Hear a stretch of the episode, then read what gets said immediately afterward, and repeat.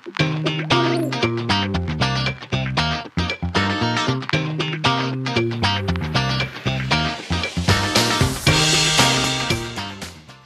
och välkommen till Eftersnack. Det här är programmet där vi är uppe om veckan som gått och det känner ni säkert till från tidigare. Men det som många inte kanske känner till, att här i studion har vi Jeanette Björkqvist som är Slottsbalens drottning. Välkommen. Ja, nu tog du nog i alltså med stora mått. Men, Men jag, tack jag är subjektiv. Vi ska alltid överdriva, det är en bra princip. Och sidekick idag har vi teaterscenens maestro Rico Eklund. Välkommen med i Eftersnack. Tack. Jag heter eh, Magnus Lundén, programmet alltså Eftersnack och ni får gärna e-posta oss. Det har jag inte sagt på länge till eftersnacksnabelayle.fi eller gå in på vår Facebook-sida facebook.com eftersnack om, om ni vill vara med i diskussionen. Och vi ska diskutera Skalvi. Och Jeanette, jag antyder en lite vad jag vill tala om nu i eh, de kommande 60 minuterna, Slottsbalen. Hur var det nu att vara där? Det var alltså fantastiskt. Va? Det är alltså på riktigt jättetrevlig fest. Ja. Nu är det ju alltså då så att det här slottet har renoverats här under två år. Det var därför den här, den här festen var i Tammerfors mm. förra året. Och bland annat så har de nu gjort så att, att de har eh, installerat sån här luftkonditionering. Och det visar sig, det visar sig ganska snabbt alltså när, när slottet börjar fyllas att den fungerar kanske inte riktigt som man hade önskat sig.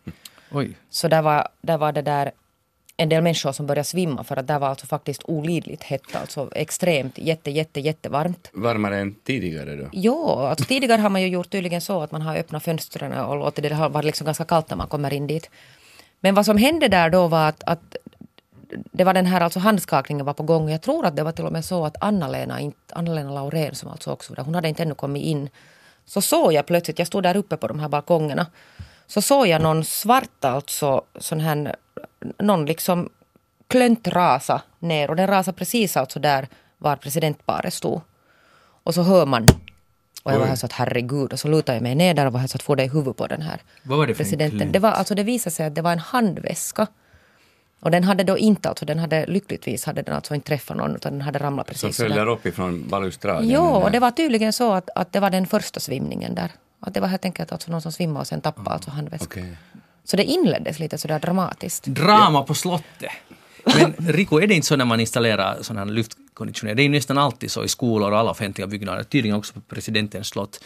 Man installerar uh, luftkonditionering och sen banga, låser man igen fönstren så man aldrig mer kan öppna dem. Man, man skulle inte ens få fast man skulle kunna. Och så slutar det så här. Ja, det är tyvärr så. På, på Svenska Teatern, den stora renoveringen, så var det också, speciellt i början, problem med luftkonditionering. Mm. Men det finns fortfarande, till exempel i logerna så kan man öppna fönstret, ja. vilket känns hemskt skönt. Ja, jag, har alltid, jag har alltid fascinerats av alla, det är ju mest nog kanske någon som har planerat det och som har betalat för det och de tycker att det är jättebra för då hålls temperaturen konstant. Men det där, ingenting går upp mot om man är helt slut. Till exempel, jag jobbar ju inte på teater som du vet Rico, men när man, att kunna öppna fönstret i logen någonstans i omklädningsrummet och det kommer in den där kalla strömmen av kall frisk luft. Ja. Men det förbjuds oss. Mm. Ja, och det där på Husis gjorde vi också det. Det, det är ju inte så jättemånga år sedan det renoverades den här redaktionslokalen och då gjorde man samma sak. Man har alltså skruvat fast de här fönstren så det är alltså omöjligt att öppna dem också om man skulle vilja. Mm. Och det känns ju lite sådär. Finns det inga fönster som man kan öppna? Kanske det finns någonstans men jag vet nog inte var de finns. Men, men det är ju sen det där med den här luftkonditioneringen att det, det är ju inte alltid den fungerar som det borde fungera. Mm. Att på vintern känns det som att det alltid är kallt och det är på något sätt ganska sådär dragigt. Och på sommaren så är det så svinkallt att man får ju gå alltså ut därifrån och värma sig mm. ibland. Mm. Och då skulle man ju ibland kunna vilja ha den där möjligheten att, att vädra lite också, men det går inte. Illa, hej, såg du Iso på slottet? Iso Mm. Vem är Iso det är inte den här krigsveteranen, hon renåringen. Ah, ja, ja, ja. ja, ja. Ah, det var någon sån här löpsedelsnamn, Isoho. Ja, no, alltså han blev, han blev nu, det, det finns ju en artist som också, men det här är den riktiga. Iso G. Ja, jag var så att var det Iso D du menar nu eller? Nej. Ja, det finns det också. Ja. Men hur, hur, hur var det? Alltså såg du honom? Jo, äh, ja, jag såg dem alla alltså när de kom in och jag måste nog säga att det var ju kanske nog det mest imponerande av, av allt. Det är ju alltid när man ser de här krigsveteranerna mm. komma in, de kommer ju först in av alla och det är nog Alltså det är på riktigt jättefint. Men vad känner du i ditt hjärta då? Just? jag känner alltså helt enorm tacksamhet. Nu har man ju diskuterat, borde man på något sätt lägga om den här så att man på, på något ännu bättre sätt liksom skulle kunna ta emot dem. Till exempel att de skulle komma in sist så att alla skulle kunna eh, att det skulle vara liksom huvudgästerna på något sätt så där riktigt mm. markerat. Men inte vet jag om de kommer att lägga om den här protokollet. Riku, såg du på balen? Jag tittar på banan, ja, traditionsenligt. Stod du i honör i tvn? Du... Eh, inte honör, men jag hade min eh, sticka utdragbara penna som jag kunde peka på tvn åt de gäster som ännu var kvar. Vi brukar ha en sån här traditionell eh, glöggmottagning hela dagen och sen är det en del som brukar hänga kvar och, och titta på balen då när jag inte har varit där själv. Alltså du höll föredrag om vem som marscherade in? Ja, inte bara jag utan det var andra, vem som helst fick komma fram och peka ut att den nu känner jag den där och kolla den här klänningen och den där är jätteful och, och den här är hemskt stilig och sådär. Fantastiskt. Ja. Mycket bra. Orkar man med de där två timmarna av skak, handskakning. Det var en annan stor tillställning också den här veckan. På onsdagen i Oslo var det ju den Nobels eh, ceremonin. Eh, ni har kollat på det här talet, Malalas tal, har jag bett er titta igenom eller läsa igenom. Vad, vad för reflektioner fick ni av det? Det var jättefint. Och, och jag blev så glad över den där, så här nuvarande en medelålders man, så, över den här eh, ivern och, och glädjen och bestämdheten att vi gör nu, vi, vi kan inte vänta och, och nu, behövs det alltså action, nu ska det behövs handling och inte bara prat. Och, och det, det, verkar så självklart för henne att, att alla, ska, alla barn, och både flickor och pojkar, ska få utbildning och mm. oberoende var man finns i världen. Och det här är då en 17-årig flicka som, ja. som, som, som satt världen på plats på ett sätt. Det som jag eh, funderar på, för det var så otroligt att, att är hon faktiskt, jag har inte sett henne tala, är, är hon så här skicklig av sig själv eller jag antar att hon har någon stab omkring sig som, som hjälper henne för det var ju också retoriskt otroligt bra. Och, och vissa upprepningar som definitivt var genomtänkta var de kom och, och hur många och sådär. Men jag försökte titta snabbt mm. på det här, alltså, den här, det här skrivna, det här talet som hon hade skrivit och sen alltså, för att hon, hon började nog improvisera en del sen där så jag tror nog att, att hon helt enkelt bara har alltså en sån där helt, ofattbar kapacitet. Alltså. Men det var nog skillnad, om vi nu, det här är små saker, men nu var det lite skillnad. Hon höll ett tal också då när hon hade fått det här. Alltså när, när hon hade fått bud, bud om att hon har fått det. Det var mycket mer improviserat och osammanhängande förstås. Att det var det här ju genomtänkt retoriskt. Och det, var, det är bra det, men man, man har hela världen som lyssnar i princip så, så måste man ju fila på sitt tal ganska mycket. Uh, hon, hon, är ju inte alls så, hon, hon är ju hyllad av oss, av eftersnack och av många andra.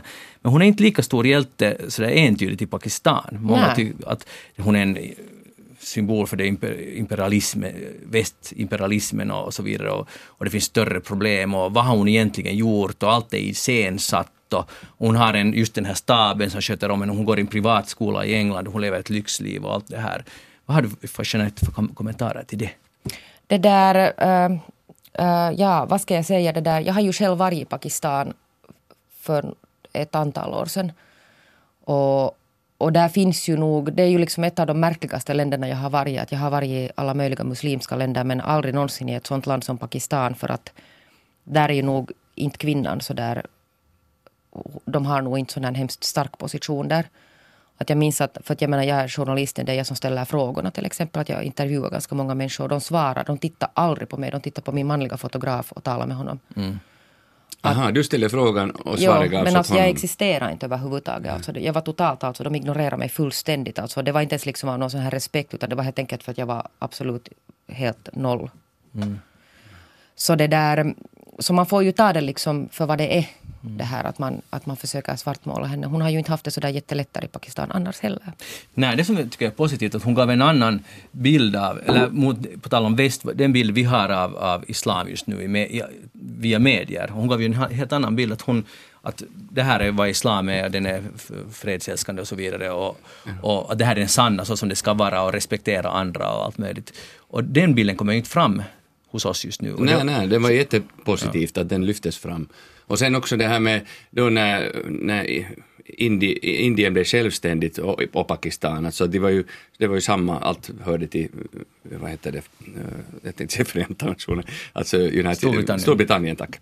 Eh, och, och, då, Gandhi ville ju att, att alla skulle höra till samma land, men så blev, blev muslimerna flyttade till Pakistan och, och, och hinduerna till Indien. Och nu tycker jag det, det finns ju en, en, koppling här, han är ju den här hennes hö, högra hand, eller jag minns inte vad han heter, den här mannen som också var med på ceremonin, han är ju hindu och, och hon då representerar den andra tron, så det finns en fin brygga där också mellan eh, Indien och, och Pakistan på det sättet. Ja, och, och nå, sen jag tänkte också på det, nu är det egentligen ganska fantastiskt, det måste vara ett västsynsätt, men att där är hon, hon är 17 år och hon hade tagit med sig lite av sina, de som var med, någon som var med i skolbussen och sen någon syrisk flykting, alla flickor, unga flickor. En från Nigeria också. Ja, och de är där på första, hon är, hon är i talarstolen. Att nu har ju världen förändrats på det sättet. Eller det här är en, i alla fall en symbolisk handling, jag tycker det är helt otroligt. Och det är ju lite så här lyxigt och hon håller ett tal och alla, alla är klädda i uh, kostym och det är lite overkligt det hela och det är så långt bort från den där världen. Men via henne så lyfts den där världen kanske upp, den verklighet mm. som hon representerar. Så, ja, jag hoppas verkligen ja. alltså det. Så, så, så, och hon tror ju nog att hon, hon, hon, nu sa man ju att hon trodde genuint att hon, hon ville ju adressera alltså de barn som befinner sig nu ute mm. någonstans. Sen vet hon säkert lika bra som vi att, att få av dem har tillgång till TV. Men att, att hoppas på något sätt att hennes budskap når ut till dem. Mm. Men det behövs den här tron som hon representerar att det faktiskt är möjligt att alla ska få det bra vad mm. gäller undervisning. Uh, fast det, det, går ju inte så, alltså säger nu en sån här medelålders, jag är ju inte cyniker, men, men jag plöt, kände mig plötsligt, jag, som inte annars upplever mig som cynisk, när jag lyssnar på henne så tänkte jag att inte är det ju riktigt, inte är det så att nu, när, nu ska vi förändra världen och så förändras den.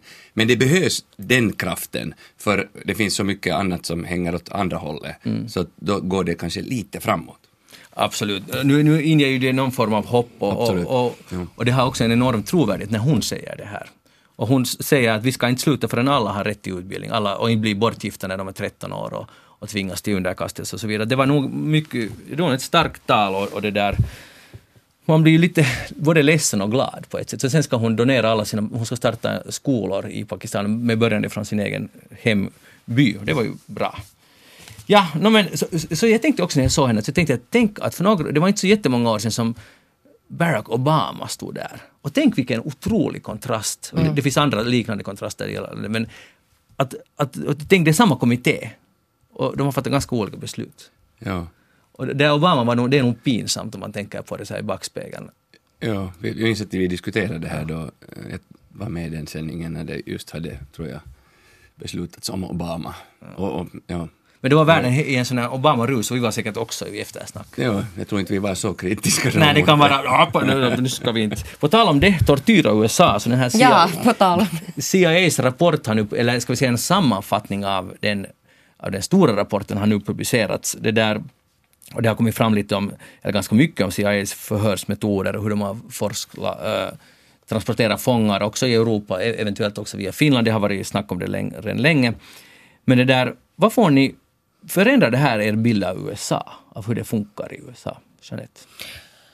Det där, efter det här att det här kriget mot terrorismen inleddes och hela den här liksom Guantanamo eh, grundande av Guantanamo. Så nu har man ju vetat att det är någonting som pågår där nu som inte är helt okej. Okay. Mm. Så inte vet jag om det förändrar. Nu har, nu har jag ju på något sätt och jag tror att många andra också med mig har känt till att, att där skrivs nog egna regler som inte som inte alltså har någonting att göra med till exempel mänskliga rättigheter och sånt. Men ser man inte mellan fingrarna det i USA? För det är ändå det fria ja, världens alltså förkämpe och så vidare. Ja, alltså, ja, inte vet jag ser man genom fingrarna men inte har ju någon, alltså, inte har ju någon riktigt reagerat på det här heller. Mm.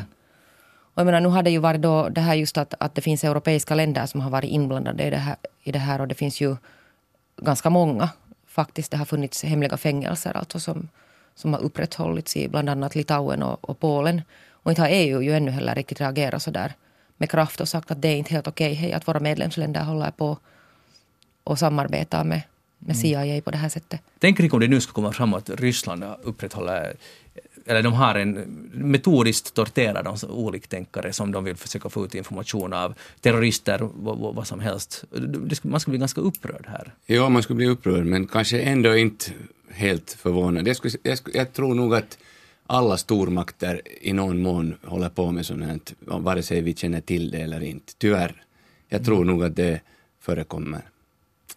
Och, så att jag inte, det förändrar inte min bild heller av, av, nu har jag kunnat tänka mig att sånt här har förekommit och antagligen förekommer också nu när vi pratar. Det här, jag, och jag tänkte säga också i framtiden kommer det att förekomma. Tyvärr, ja. tyvärr tror jag det. Ja. Cynikern. Men nu har det ju kommit, alltså, jag menar, det har ju, det har ju kommit ut bildmaterial tidigare också där man visar hur, hur amerikanska soldater alltså far fram till exempel med irakiska fångar och sånt. här. Men där är en, en, alltså det är en bra grej att det har att det har plockats fram och att man diskuterar det eh, relativt öppet. Alltså det, det är mycket positivt. Så att det, det det finns en alltså- diskussion alltså och det, det är jättebra. Så att, Ja, det visar USAs styrka sen Ja, igen. Att ja. man, att man, och det är ändå, trots motstånd så publiceras det någon form av sammanfattning. In, inte alla detaljer och så vidare, men som ändå blottar det här. Och, och det måste gå en tid för att det ska vara möjligt, för det här har ju hänt mellan 01 och 09 eller hur det var.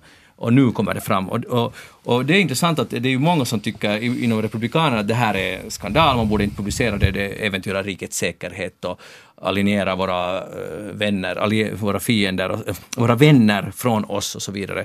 Men John McCain som var ju eh, republikan och senator och ex-presidentkandidat, så han säger i Los Angeles Times att det här är bra.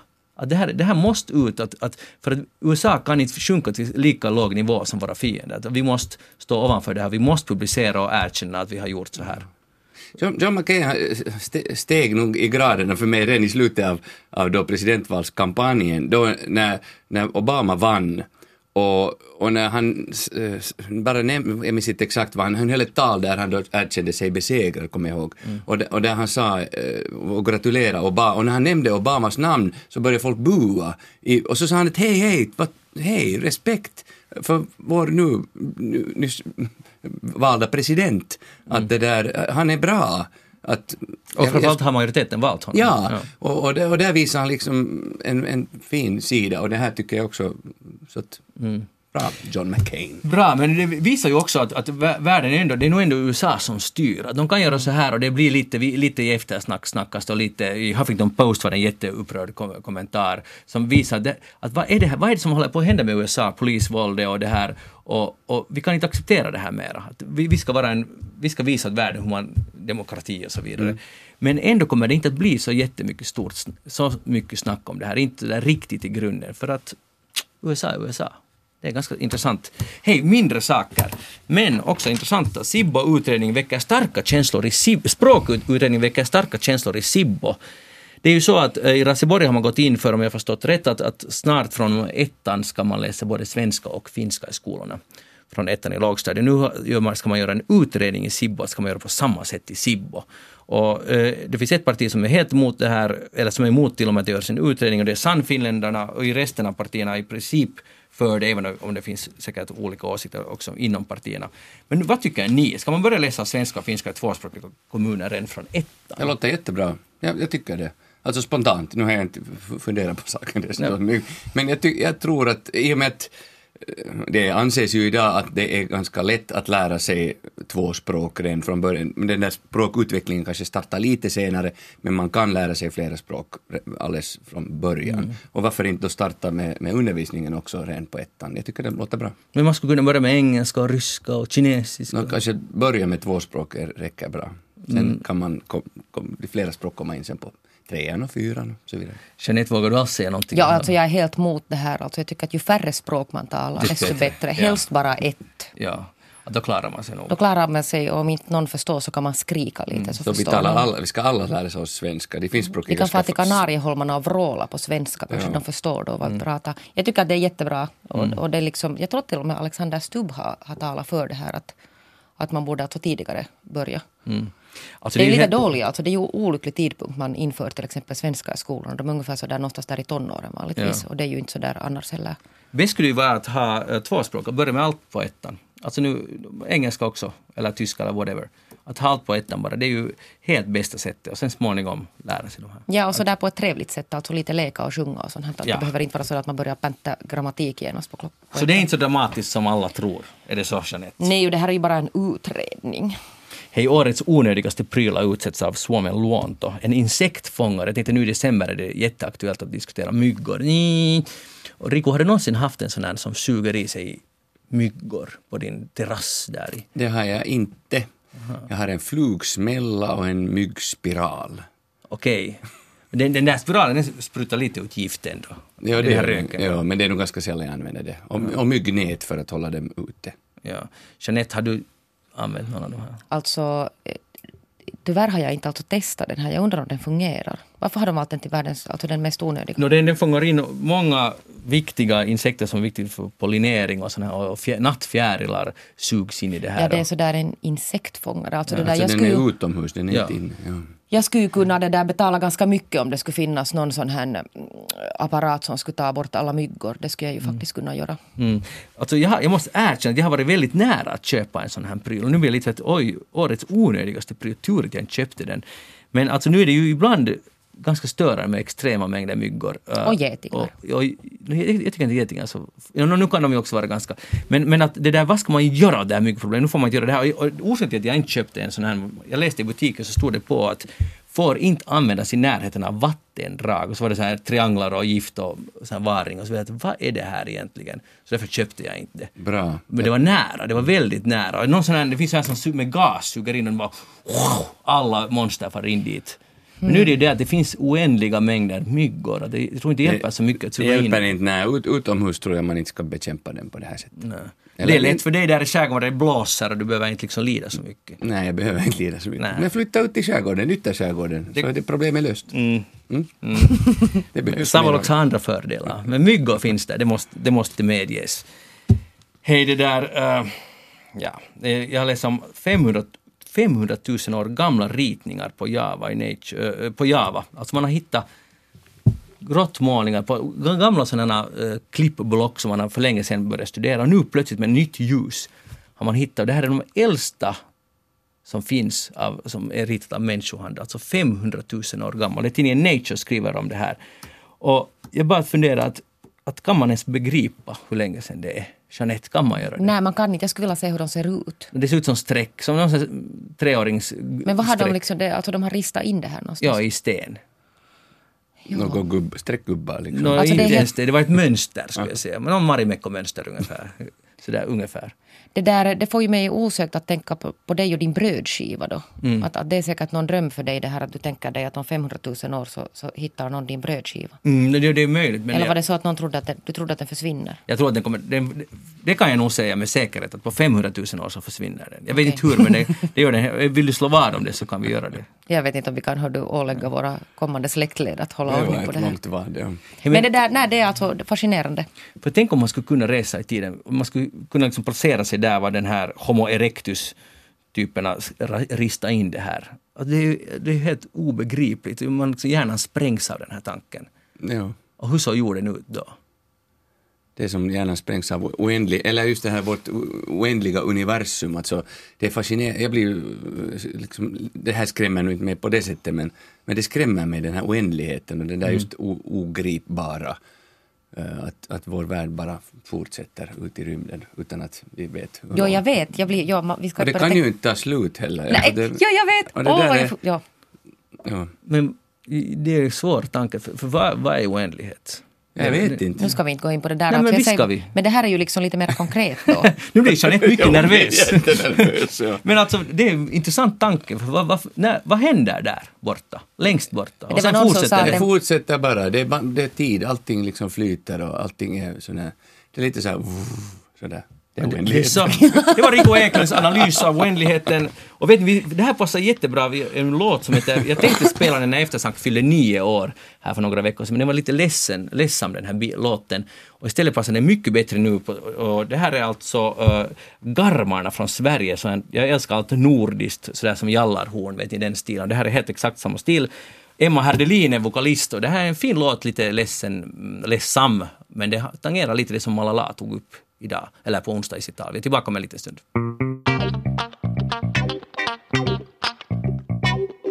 Yes, eftersnacket tillbaka med Jeanette Björkqvist och Rico Eklund jag heter Magnus Lundén. Och eh, vi ska nu diskutera julfirande, Jeanette. Att, vad, vad, vad har du för planer för julafton? Hör du, jag Sådär ska ungefär. Jag kan berätta här till detalj. Okej. Det där, jag ska, kan vi tala resten om det. Jag ska hämta min mamma dit, till oss, Okej. och så ska vi ha en sån här trevlig, lugn familjecentrerad. Betoning på familj. Och Rico? Ja. Uh, till gravarna på förmiddagen och sen är det uh, julglögg, gröt och gråt, julgröt när man tittar på julfredens utlysande och hemma mm. vid Töletorg och sen uh, åker vi antagligen till min sambos syster en sväng och sen ut till Noks för att uh, fira julafton sen med min yngsta äldre bror. Men det är också familjecentrerat. Det är det. Ja, jag har samma koncept då. Eh, det var så att min äh, sambo var i Sverige och träffade där ett par. Då, de har som, haft många år som policy att på julen så bjuder de in, de har liksom öppet hus. Att alla som inte har någonstans att gå eller ingen vad familj kommer dit och så firar man tillsammans. Uh, vem, de, alltså öppet hus till alla som de känner, eller halvkänner eller känner. Och först var jag "Åh, hjälp, det måste ju vara med familjen. Så tänkte jag wow, det där är ju jättefint för det finns många som kanske inte har någon att gå till. Att, och då ska jag fråga Jeanette, att skulle du kunna tänka dig att du, skulle, du måste inte göra så här den här julen, men, men som en teoretisk tanke att... att Hörde, jag lekte med den här tanken, alltså minns ni vad det i fjol tror jag inför jul som de startade sån här, vad hette den nu då? Refugee Hospitality Club, Club eller någon sån här, alltså att man kunde, kunde det där öppna sitt hem för någon sån här utlänning. Och ta alltså någon med sig i, i sitt julfirande. Och jag tror att vi diskuterade till och med kanske det här då. Det där, no, ja, i princip ja. Alltså för mig är inte julen så där jättehelig att jag inte skulle kunna ta in någon som är ensam i den. Mm. Men alltså julen är ju, det är ju hos oss ganska inåtvärmande, det är liksom familjen och alla. Det är sällan man umgås med vänner just på julafton och första dag jul och så, så vidare. Det, det, blir, det, det bara är så. Det har ju många fördelar, det är lite lugnare och, och så vidare. Men, men Fast juldagen har väl börjat bli en sån där dag när folk går ut, alltså yngre människor åtminstone. Att Det var helt eh, sån där superhelig förr. Man fick inte ens ringa. Jag minns min mamma förbjöd mig att ens ringa till min kompis, liksom, eller kanske ett kort samtal, men man fick inte träffa någon, man skulle vara hemma. ja. Så var det. det, har ju, det har vissa Det har förändrats. Det har förändrats, ja. Och det har väl börjat ganska... Det är ganska länge sedan det har börjat förändras så här småningom. Jo, men jag talar nu om 70-talet. Hur långt var det där korta samtalet du fick ringa? Med trådtelefonen. Med trådtelefon, ja, det är inte för länge, jag vet inte. En, Det är väldigt svårt, En minut. det är väldigt svårt nu för tiden att, att kontrollera de här långa julsamt, korta julsamtalen för den, de, när de är envisa med att ha egna telefoner. Det är ju det. Så det skulle inte funka idag. Det är en helt annan tid. Det är helt annat lever i. i, säger Rico Eklund. Men det där, skulle du kunna öppna dina dörrar till vänner som inte har någonstans att gå eller skulle vilja Ja, umgås? Jag tror det. Ja, jag är ju sån här väldigt social person så att eh, de facto har jag gjort det i en liten, liten skala nu den här julen. Alltså just det här som jag sa, gröt och gråt klockan 12 så har en kollega från Norge och hennes svenska man som kommer att fira jul, inte åka hem till till Sverige eller, eller Norge utan de blir i Finland och jag tänkte att oj, att stackars, stackars dem att de måste ju, någon måste ta hand om dem så att jag föreslog att de skulle komma åtminstone på julafton på dagen och, och äta gröt och, och det tror jag att de gör. De har inte, de har inte svarat ännu. Okej. Vi kommer att ha en, för min son är utbytesstudent i, eller studerande i Berlin och han har blivit kompis med en mexikanare så han kommer att dra hit honom på julen. Så vi, det, det är liksom jag säga att först var jag ju absolut, jo, eller jag fortfarande tycker jag, men sen plötsligt insåg att det är ju faktiskt lite annorlunda att ha en spansktalande och tysktalande eh, mexikan där på julafton. Det blir jättefräscht och roligt egentligen. Men, men, men det är annorlunda också. Det är ju någonting med julen att det är så otroligt konservativt att det är alltid på samma sätt och så ska det förbli. Men det är lite uppiggande med lite ny, nya inslag. Jeanette könsroller på julen. Jag har läst många kolumner i, faktiskt i många brittiska tidningar där de diskuterar att nu är det dags att det är inte kvinnorna som ska, som ska göra allt på, kring jul, allt pynjande och fixande. Och en kolumn sa att tal riktar sig direkt till kvinnor, obs inte till män, men att släpp tanken om den perfekta julen. Det är liksom en, det är meningslöst. Och vet du, det släppte jag redan när jag föddes. Ja, Du gjorde det? Jag har Aha. aldrig tagit någon stress över det här. Är, det, är du, pynnar du alls med julmat och sådana saker? Nå, det där är mycket lite. Jag tycker alltså det, det är ju väldigt lite i det här julmaten som jag överhuvudtaget alltså är intresserad av. Morotslåda? No, morotslådan är ganska Mm. god och sen den där Jag är kålrotslådan någon också. av lutfisk. Nej herre, hu, hu, hu. Åh, jag älskar alltså det, lutfisk. Nej usch, oj, oj, oj, trauma, trauma. Min mamma lagade alltså lutfisk hemma och jag förbjöd henne sen till slut. Jag sa att det luktar så Lutar hon illa. själv också? Nej. Nej, gud nej. Men det luktar jätteilla så det var liksom, den flög ur vårt hem alltså för Vad- länge, jag länge vet sedan. inte vad luta betyder. No, det är någon sån här jätte, det är någon sån här ruttifisk alltså. Alltså nu vet jag det, men vad är att luta? Jag vet inte. Nå, det är någon sån här Jag- jag- lut, men jag bara för fråga, sån då kunde jag Jeanette berätta om. Skickligt! Det är helt talar som om han skulle låtsas veta vad det var. Det är helt fel kvinna i studion nu för det här. Men hör du kvinna Jeanette, hur är det med pepparkakorna då? Ja, men det tycker jag att det är jätteroligt att baka med min dotter särskilt. Från riktig deg eller köpt? Nej, herregud, nej. Köpdeg. Okej. Ja, man, äh, Rico Eklund, hur är du med jul? Liksom, är det perfekta julen det som gäller? Det måste vara liksom... Nej, det behöver inte vara. Alltså, Men vad, nästan. vad gäller mat. No, ja, på det sättet är lyxigt att, att vi har firat julafton i många och jag har nästan aldrig bara firat så att säga vår, min sambo och jag. Har vi, jo, det har jag gjort faktiskt två gånger nog. Uh, men då har vi köpt ganska mycket färdigt, så att vi, vi har inte gjort så mycket själva. Men däremot när jag var liten, så min mamma var just den här som att hon gjorde i stort sett allt. Och det, det må, allt måste finnas med, annars blev det ingen riktig jul. Och, och det var, därför heter det också gröt och gråt, för hon började alltid gråta sen när jul, julfredens utlysande då skedde, för då, och då skulle allt vara klart, man fick inte göra någonting efter det. Gr- Granen skulle vara klädd och all mat skulle vara, allting, allt städat, ingenting efter Vilken det. press! Det var en jättestor press och då, och då släppte det och då grät hon. Det har ju gått i arv så att jag gråter ju också fast jag inte har någon stor press. Annat än en emotionell, ja. Du, du gråter av tradition på ett sätt. På sätt och vis gör jag det, ja. ja. Det, men det, det, det är helt okej. Ja. Rico börjar just att Blir du rädd lite nu så här rörd när du tänker? Nej, jag, nej. nej inte ännu. Men, men att det där, okej. eh, s- Nå, hur är det hos er då? Mm, Med perfekt jul. Ja, eller? vem är det som pynjar och, och grejer Nu är det där? båda, men det är en viss lutning åt sambon. Det måste nog medges. Men jag menar, nu städar vi ju i hand i hand och så vidare. Och nu är det lite stress, men jag, jag blir stressad av den där stressen. Jo, av att det- se det en annan alltså- människa gå på övervarvet lite sådär. Ja. Men sam, samtidigt så man, man kan ju inte alltså inom situationstecken lämna det sådär halvstädat heller på julafton för då känns det också lite konstigt. Det är undrar att man har sådana spärrar. Varför ska man inte kunna lämna det där ena rummet odammsuget? Nej, Vad- nej, vad, skulle vara- hända? det Men ska gud, vara det blir så julafton. Men det var jag alltså säga för att jag ägde ju alltså egentligen inte ens någon jul, inte, inte någon alltså juldekoration, nothing alltså. Jag, det har aldrig alltså synts när jag var sån här citysinkku så syntes det ju aldrig någonsin Mm. i mitt hem att det var jul. Men nu har jag då förvärvat lite eftersom jag tänker att kanske man måste på något sätt ändå för Ja, barnets jag älskar skull. jul. Jag har nog uh, hållit på alltid med det där också, både hemma och sen när jag flyttade hemifrån så hade jag, och så började jag sådär, jag började lite tidigare och tidigare för att jag tycker det är så roligt att börja plocka fram det sådär småningom. Så nu börjar jag, på svenska dagen brukar jag ta första liksom, Svenska dagen. inte, inte juldekoration men, men jul, jul, alltså i fönstret för att få lite ljus för det är så Mm. otroligt mörkt nu. Så, Och sen som, liksom, och sen vid advent så då har man den liksom, julbelysningen sen, i full blom om man kan säga så. Och sen vid självständighetsdagen är det ganska mycket framme den och så sparar man några saker till som man plockar fram sen just bara vid julafton. Okej. Tror du Jeanette, att det finns så här könsroller här? Det, det är kvinnorna som nu kämpar som galningar medan män inte bryr sig så mycket. Eller förutsätter att kvinnorna ska göra det här. Det kan nog hända att det, att det ligger någon sanning i det där faktiskt.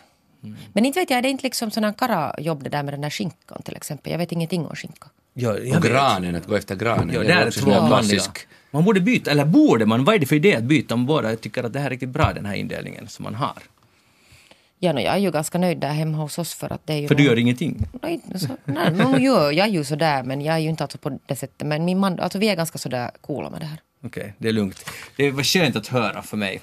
Jeanette Björkqvist, vad har du tänkt på den här veckan? No, så jag läste det där att, jag har ju pratat tidigare också, jag har sån här viss intresse för sådana här arbetstidsluncher. Och jag tror att jag har klagat ganska många gånger på det här att, att det har blivit ganska dyrt det här att, att gå på lunch. Jag vet inte om Rickwood, nej men ni har sån här personalcafé där på Svenska Teatern. Och du be, berörs inte av det här eftersom inte du på det sättet liksom. Du menar att jag inte jobbar? Nej men när man sen har liksom en, en arbetsplats så brukar det ju vara den här liksom, ni vet att man går ut på, på lunch och, nu har det då Men vänta, jag måste säga, jag vet det här är chockerande för mig, jag har faktiskt en arbetsplats och jag går och äter lunch varje dag. Men Går fortsätt. du? Men ja. vart går du då? Nå, Olika restauranger. Ja, ja, men nu läser jag att, att nu, nu, nu har trenden blivit det att, att allt fler alltså tar med sig en sån här lunchlåda till, till jobbet och den här Eh, branschorganisationen Turism och restaurangförbundet, jag tror att de kallas MARA, alltså kort på, på det där finska. Eh, så han tror att, att det beror då på, att, på den här ekonomiska recensionen, alltså att folk helt enkelt på något sätt sparar och det är ju kanske helt vettigt också att, att man det där tar med sin egen lunchlåda. Men jag har alltid haft den principen att jag tycker att det är viktigt det här att man tar det här avbrottet alltså och går ut. Inte sitter till exempel vid sin dator och trycker i sig någonting eller, eller liksom sätter sig i köket och så springer folk där och stör en. Men min tes är ju alltså det att, att, att det, det är säkert helt sant för att om man tittar på lunchpriserna i Helsingfors så det är ju alltså svindyrt att äta lunch. Och det är liksom vanligtvis, alltså nu jobbar jag i, i absoluta centrum av Helsingfors. Och, och jag skulle nog våga påstå att det här utbudet av, av sådana här lunchrestauranger är ju nog inte riktigt kanske av den här världen.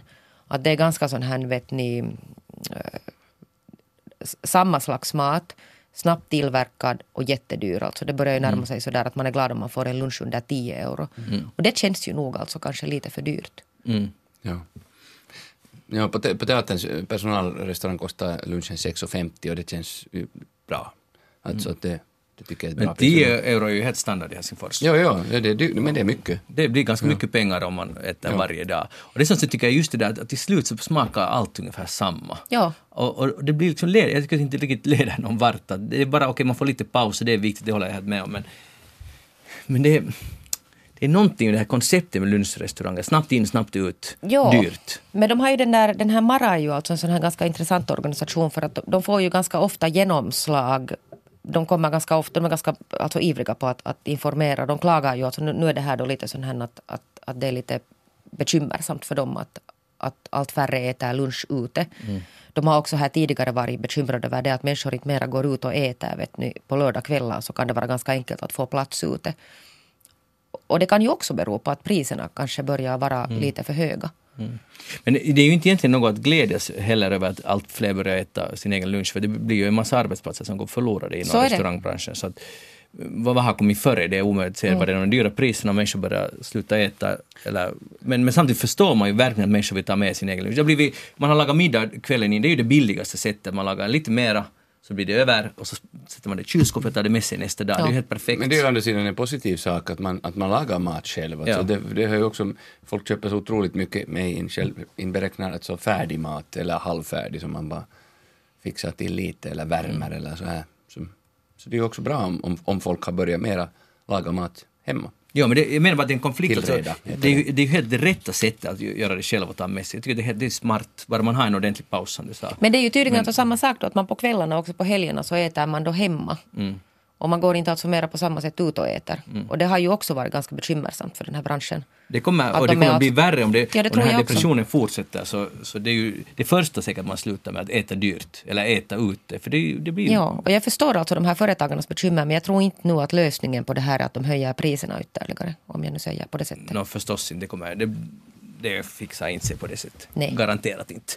Riku Eklund, vad har du tänkt på den här veckan? Jag har tänkt på ett sånt ämne som jag själv är involverad i, det vill säga fackföreningsrörelsen. Jag har varit aktiv i eh, Suomen näyttelijät och Finlands skådespelarförbundet, tvåspråkiga förbundet i, i över 20 år nu och, och, och, och sitter som- som bäst själv som ordförande för Finlands svenska skådespelarförbund som på sätt och vis är en underavdelning som inte är en, ett fackförbund egentligen utan mer som en intresseförening och intressebevakare för de svenskspråkiga skådespelarna.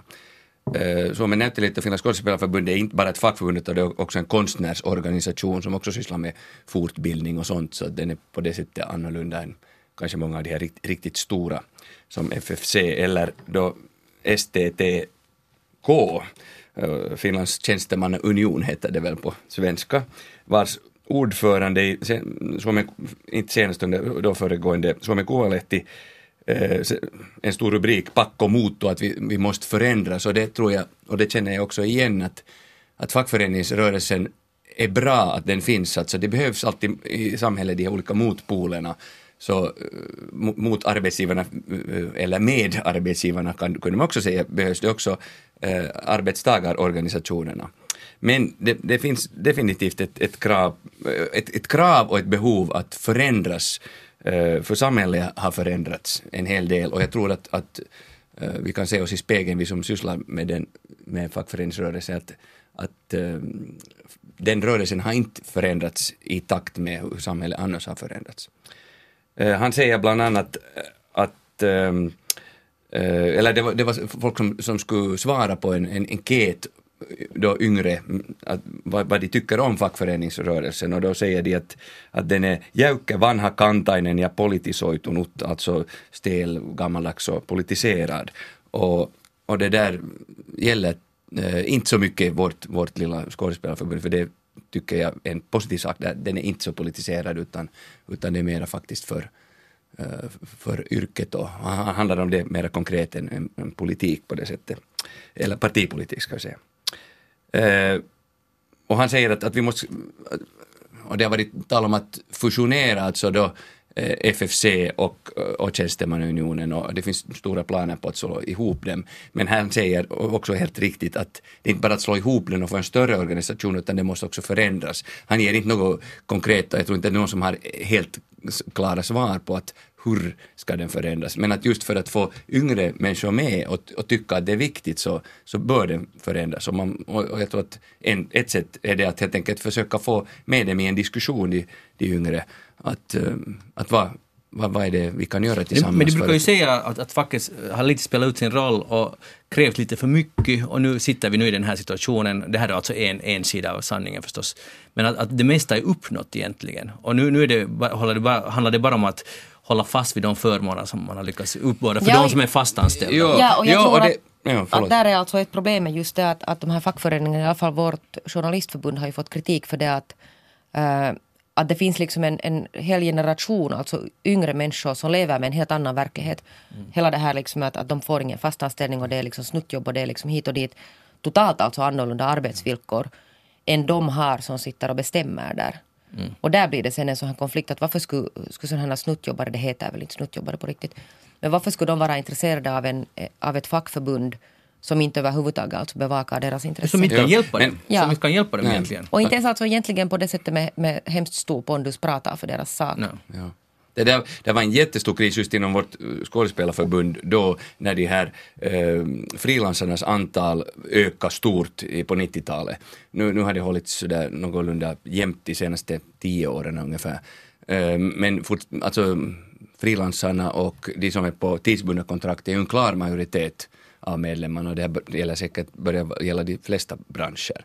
Och där är just en utmaning att kunna liksom eh, tala och kämpa för allas eh, sak. För de, de här verkligheterna är så pass olika. Ja, men där borde man också se till att man alltså medvetet väljer in från de här yngre människorna också i till exempel styrelser och sånt här, att de får någon sån här inflytande i Ja. här också. Men där är problemet också att, att de människorna kanske inte sen träffar varandra på samma sätt när man har en, en fast arbetsplats så är det automatiskt eh, så, så ser man varandra och man får en samhörighet på ett annat sätt än när du är frilansare och ploppar in hit och dit på olika arbetsplatser.